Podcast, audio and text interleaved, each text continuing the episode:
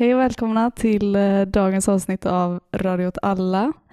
Jag heter Angelica och sitter här med Erika. Och Björn. Och vi ska prata lite om eh, det så kallade G20-mötet som kommer vara i Hamburg nu i juli och eh, prata om protesterna och så som kommer vara. Eh, den 7 till 8 juli så kommer Eh, det här mötet äga rum där ledare såsom Erdogan, Trump, Macri och Merkel samlas i ett slutet möte för att fatta beslut som inte är öppna för allmänheten. Jag kommer tillsammans med Björn och Erika arrangera en resa ner för att delta i protesterna. Och vi ska diskutera det här lite mer ingående sen. Men jag tänkte att vi kunde börja med att spela upp en intervju som jag har gjort med eh, vår systerorganisations pressansvarig om deras inblandande i, i protesterna. So you're a member of IL. I'm not even going to try to pronounce that in German because it's too hard. Maybe you can tell tell us just a bit about what it is, what kind of organization it is, and, and what is it that you do? So IL stands for Interventionistische Linke, and it's a radical group in based in Germany and in Austria. Um, we started about well, I guess over ten years ago when um, we were when we got involved with the with organizing the blockades for the G7 or G8 summit then uh, 2007 in Heiligendamm in Germany near Rostock. And perhaps I'm I'm sure some people from Sweden came as well and so that was kind of the birth moment of Interventionist Linke. Now, over 10 years later, we have about 30 groups in 30 different cities in Germany and Austria. And we're a radical organization uh, in terms of we're anti capitalists. We want to overcome, um, of course, capitalism, but also sexism, racism, homophobia, etc., as well. Um, but we're also, we, we call ourselves post autonomous. So that means that um, those of us who are older used to uh, be involved in autonomous groups, and we're still kind of close to them. But in the 90s, there was a discussion in Germany to do politics in a different way. And with that, I mean to to really become part of society and to fight um, radical battles as part of society and, and really become visible as a radical force in society. Um, and we are a proud, um, proud friends of Altat Allah. We're huge fans of Altat Allah, and I'm really excited to be on the podcast today and to uh, perhaps have some people from Altat Allah or from Sweden come and uh, visit us for the G20 summit in Hamburg, which we're co-organizing as well. Yeah, we sure will.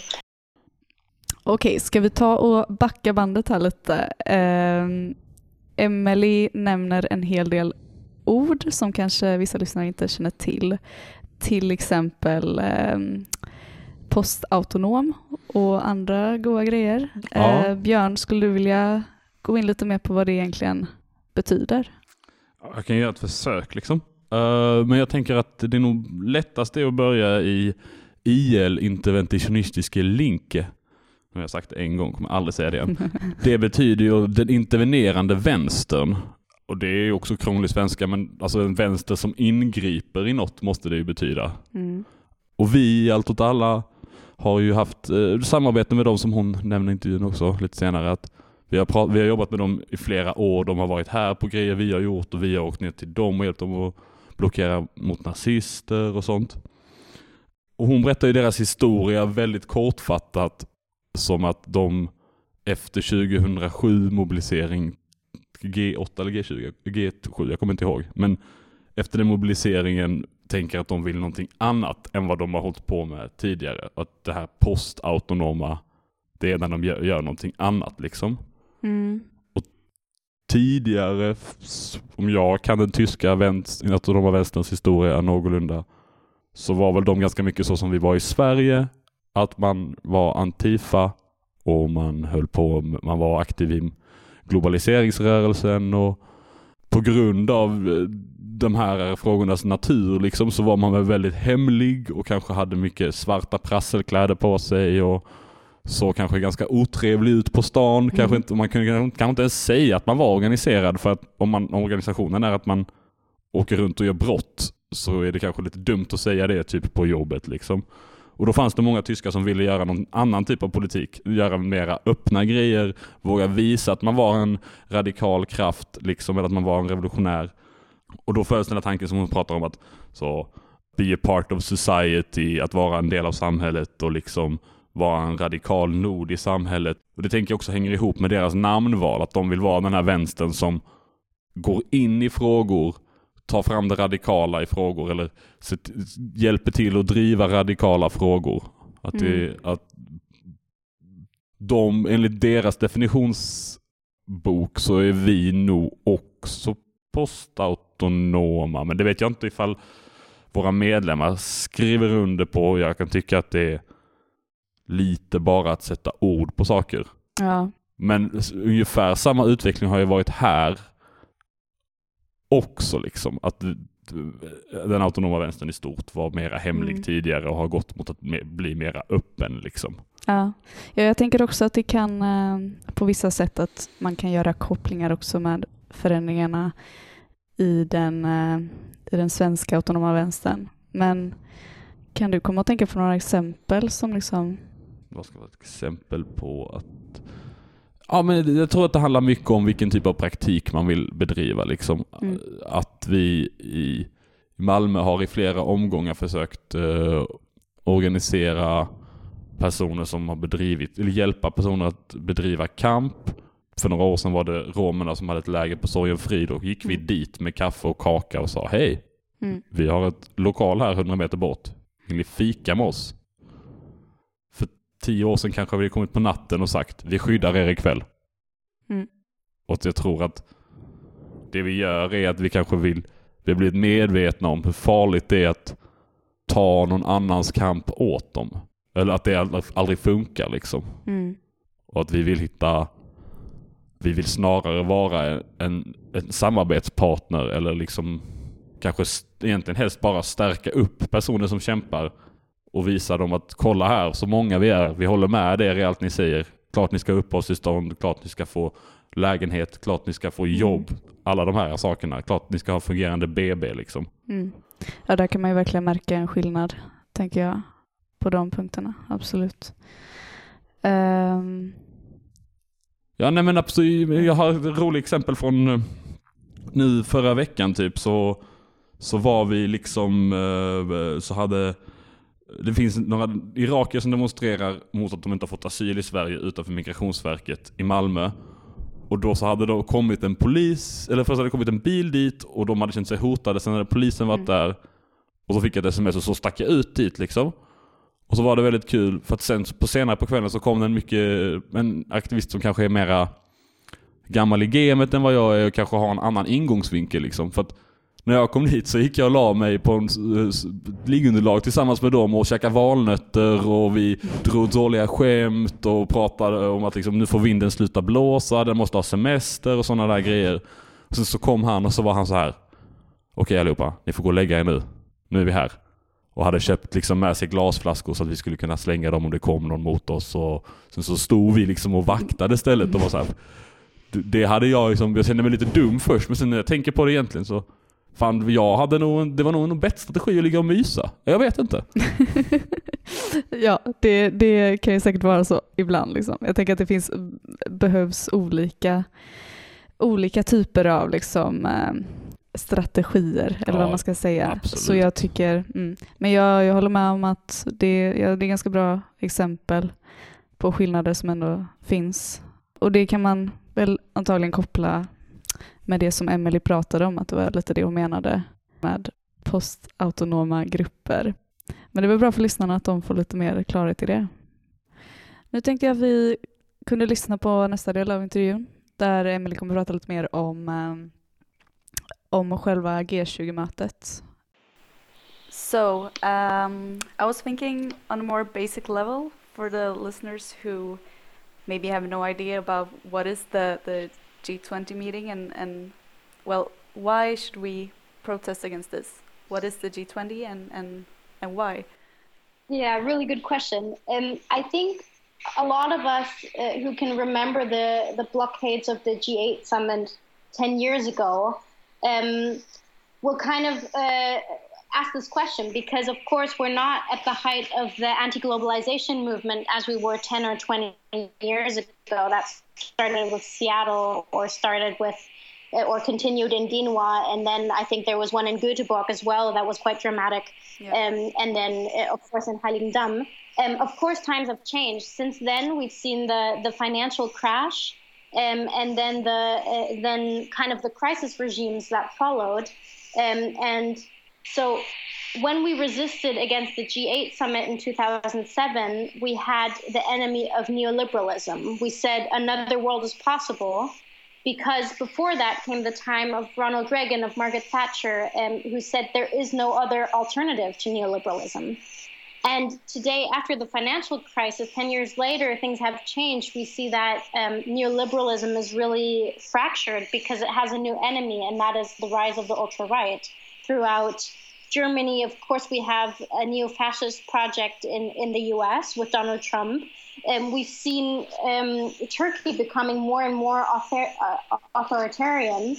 Um, and so, really, at the G20 summit, we will see a battle of two different versions of capitalism. On the one hand, we'll see um, the protectionist um, capitalism of closed border regimes. And on the other hand, we'll see the neoliberal um, globalized economy. And really what I'm worried about is that we will have Angela Merkel present herself as the last woman standing as leader of the free world, which she isn't, obviously, um, because her and the EU border regime is um, is causing five people dying in the Mediterranean. That's not liberalism. That's not freedom.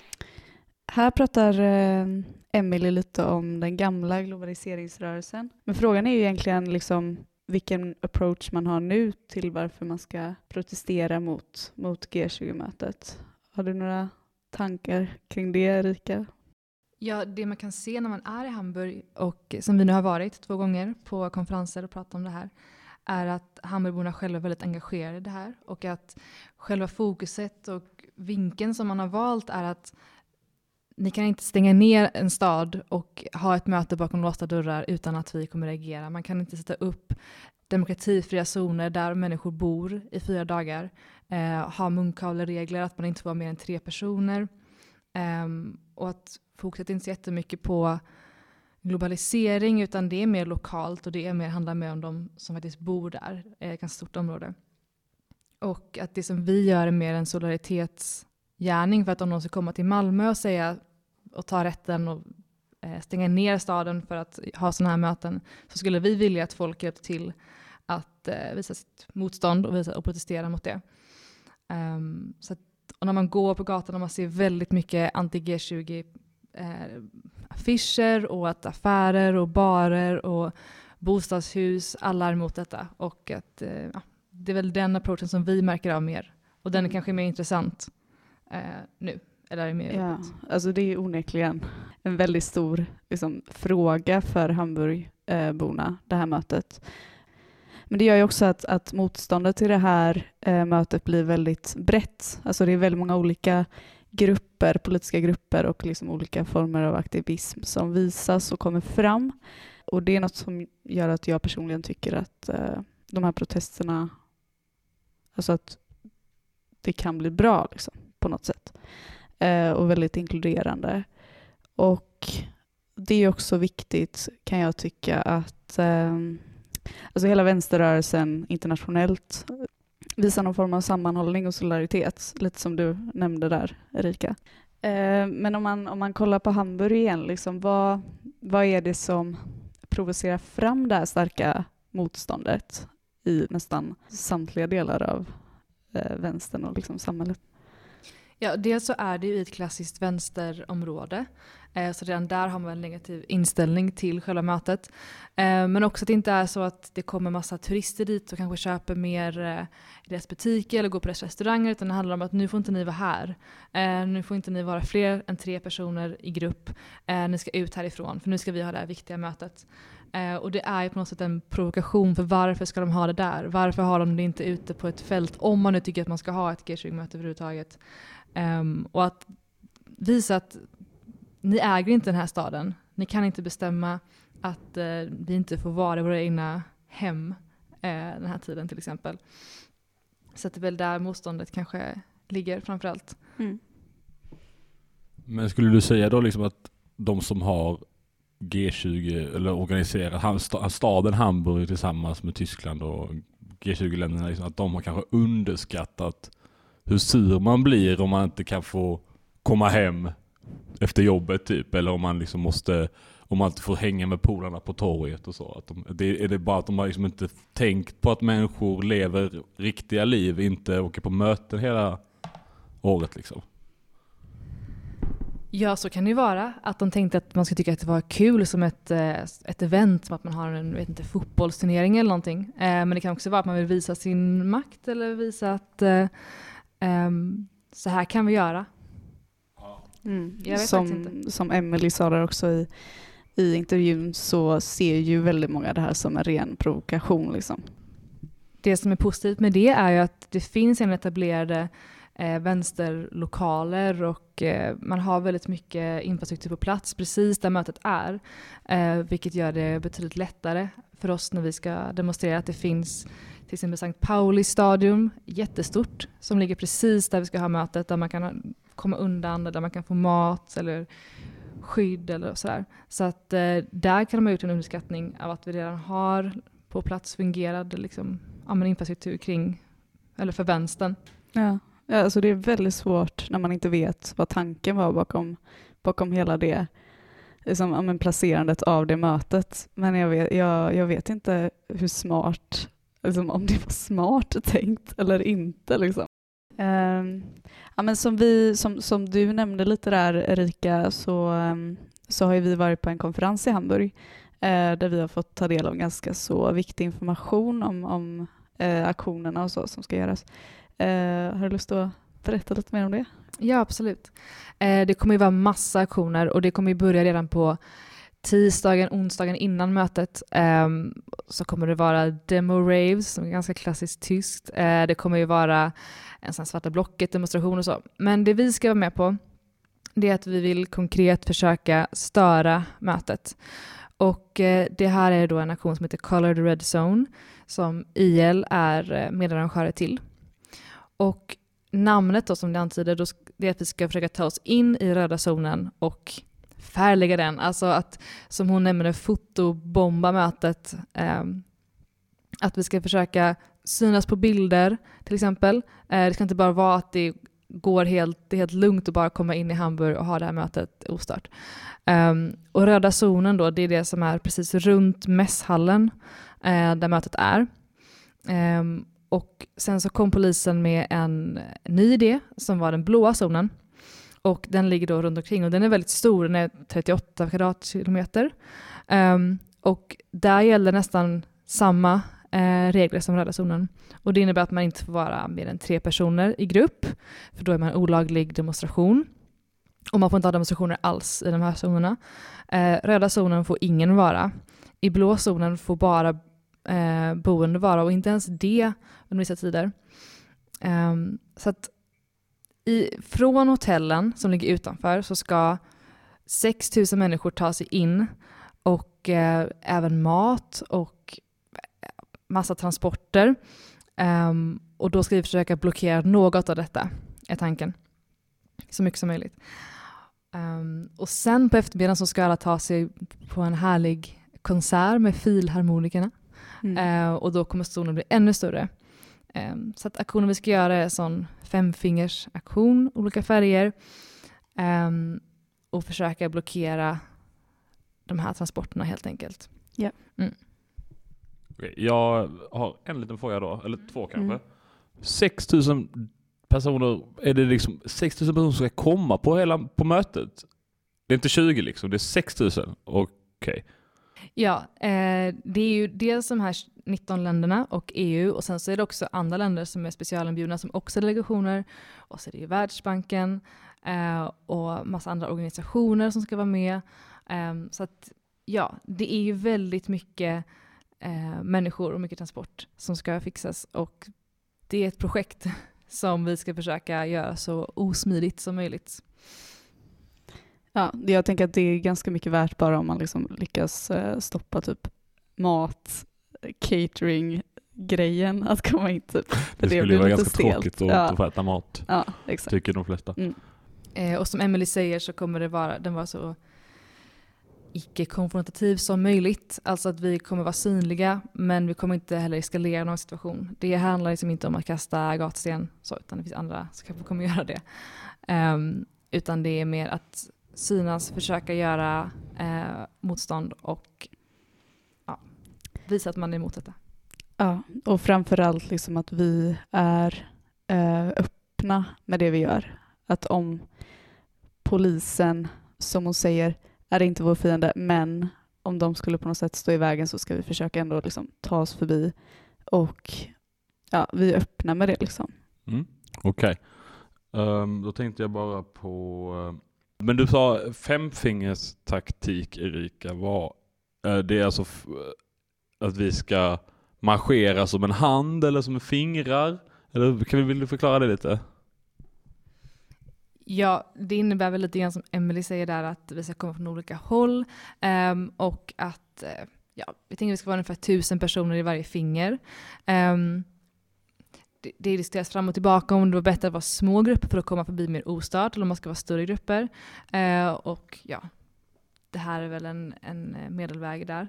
Ja, men, eh, det låter ju skitbra, alltså, så att man så ska kunna anfalla från olika väderstreck för att då måste polisen också tunna ut sina led och så kommer det bli kaos någonstans så kanske det blir en dominoeffekt av kaos. Ja, men jag, jag kan köpa det. Det låter fett. Let's go. So um, I'm gonna finish off by asking you personally, why do you think that people should come to Hamburg in, in July and protest against this meeting? I guess we all have our reasons because the politics of the G20, they have a lot of enemies. You know, uh, they have climate activists and um, and refugee uh, welcome movements and feminists all united against them. I guess my personal reason is I'm half American, and after the election of Donald Trump, I was really heartbroken because I just couldn't understand emotionally how someone could come into power who publicly humiliated a journalist for um, for for having a disability or um, who you know who's such a dumb sexist and how someone like that can rise to power. Um, but that's no way to live. You know, you can't live uh, with a broken heart about the state of the world. And what you have to do is organize. Um, and so, what I really want is uh, I want an uprising of hope in Hamburg. I want the feeling of we're many, we come united, um, and we're ready to take on the fights of the, the years to come because we know that. Um, uh, that there will be, I mean, we have another four years of Donald Trump. We have uh, Turkey under under dictatorship. And I guess it's just a matter of time when the Balkan route opens again and refugees arrive in Europe and in Sweden again. So we have a lot of work to do. Um, and I want to recommit. I want to come together as a strong uh, leftist um, uh, leftist opposition, and uh, I think that would really give me hope for the struggles to come in the next years. Ja, eh, här säger Emily att hon, hennes liksom anledning eller största anledning till att protestera mot mötet är för att hon är amerikan och att hon tycker att Trump säger, har sagt lite dumma saker.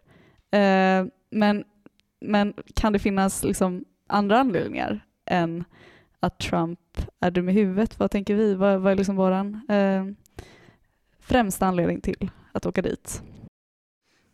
Ja, alltså för oss, även om Hillary hade vunnit valet hade vi även velat göra den här aktionen. Det handlar inte om att eh, Trump hånar handikappade, även om det är vidrigt, Mm. eh, utan det är väl själva mötesformen och sättet som de eh, gör det på som är upprörande. Och också att det är ett tillfälle att, att visa sitt motstånd mot alla de här 19 eh, idioterna samtidigt. Liksom. Det finns Mm. många olika frågor och många har, alltså jag trodde hon vill kanske säga lite grann att alla har sina personliga anledningar. Ehm, men att man kan som, kanske som kurd åka dit för att Eh, man är emot Erdogan eller så här. Jag tycker det, jag håller helt med dig. Jag tror också att hon liksom försöker hitta någon egen personlig ingång. Jag tänker att hon har en väldigt politisk analys av varför hon åker också liksom. Uh, som hon kanske inte gav så mycket uttryck för. Men, eller jag pratade med en, en, en kamrat och en kompis uh, om just det här. Och hon berättade om första gången hon åkte på någonting eh, någon stor mobilisering liksom. Och att eh, då efteråt när de skulle utvärdera så satt alla som var lite mera luttrade liksom. Hon var 21 då och, så här, och var så här, fan vilket jävla skitarrangemang det här blev. Allting gick dåligt, polisen tog allt och vi vann ingenting, la. Men hon liksom då kände, fan jag vann jättemycket. Jag var för första gången i ett sys, eller liksom i en organisation, eller någon form av organisering eller en samhälls, eller en kropp liksom, som är större än min egen, där det finns en gränslös solidaritet med alla. Hon kom till en plats, hon hade med sig en sovsäck. På en timme så hade hon sovplats, mat, fixat toagrejer, allting var liksom så här omhändertaget liksom. Och man kunde liksom, man lärde känna folk på ett helt annat sätt som man inte gör på ett möte eller liksom över en bärs hemma. Och också att man gjorde ju alla de här ganska läskiga och farliga grejerna tillsammans. Man slogs med polis eller fick spö av polis eller man såg sina vänner bli gripna eller skadade. Och då visste man att det här kommer någon med ett sånt eh, liksom med ett rött kors på armen och tar hand om dem och man liksom man, man, att den liksom, det själva det performativa i att liksom skapa kamratskap och gemenskap var liksom det största hon tog med sig. Och när man lyssnar på Emily så är det också det hon säger är det fetaste från 07 liksom. Att så här, vi var tillsammans mot och vi visade på att alltså, över hela världen finns det människor som inte är okej med det rådande systemet och som vill någonting annat liksom. Det var ganska intressant att se att de tyckte, eller de var med om en lyckad och en misslyckad aktion. Men de hade med sig, deras mm. lär, den stora lärdomen är typ samma. Mm. Alltså jag känner ju verkligen igen mig i det här. Att liksom äh, folk som har varit med längre än en själv kanske liksom eh, eh ser väldigt negativt på, på det här. Liksom, eh, att åka ner och, och, och protestera. Ser inte riktigt någon, något skäl till det. Men då kan väl jag tycka att eh, att det behövs väl också, typ. Så att eh, även om inte de själva har lust med det så, så är det väl ändå bra att det finns folk som, som liksom var solidariska med tyskarna, även om det liksom kanske inte passar in med deras liksom postautonoma vi arbetar lokalt grej. Så varför inte typ? Ja, alltså så länge vi inte har vunnit så får vi, får vi väl prova allt. Liksom. Mm kanske också ska nämna det att eh, det kommer också vara en stor sån här klassisk massdemonstration på lördagen som vi också kommer delta i. Eh, så då får man lite både det här att försöka att göra något mer konkret och sen kommer man också ha sån mer folklig bred demonstration på lördagen mm. mot mötet. Och liksom, alltså här, som jag sa lite tidigare, det är ju en väldigt bred eh, protest. Alltså det kommer ju vara liksom aktivister som cyklar. Det kommer finnas personer som har typ så här uppblåsbara djur och sånt. Och jag tänker så här, det kan man tycka är töntigt och det kan man skratta åt liksom. Men jag tycker ändå det är härligt att se. Jag tycker det är jättehärligt att se liksom att alla får vara med och det är superinkluderande och jag, jag är jättetrött på när det inte är inkluderande, när man måste vara jättecool hela tiden. För att liksom, ja men det är väl bara kul för att eller kul kul, men det är viktigt att vi behöver ju folk. Liksom. Det, är ju, mm. det är så det alltid har varit. Exakt, vi behöver Så varför ska vi spela coola och liksom, du vet, den är cool kan man ju spela när man kan stänga ner en hel stad och beställa catering till 6000 pers. Ja, då, då, då kan det vara läge. Ja, men det är väl det jag vill komma till, att man, eh, alltså det är den klassiska liksom, tendensen inom vänstern, liksom, att man går emot varandra för mycket, att jag som ung tjej får liksom pisset från någon som har varit med längre än mig bara för att jag gör en protest som kanske inte de håller med om till 100%. Och det är lite tröttsamt. Varför, varför kan jag inte bara få göra det här? Typ? Alla till Hamburg. Ja. Alla ska med. Bra. Bra avslut. Då kan, vi, då kan vi runda av här va? Tack så mycket för att eh, ni var med och snicksnacka. Ja, tack för att ni lyssnade, alla lyssnare.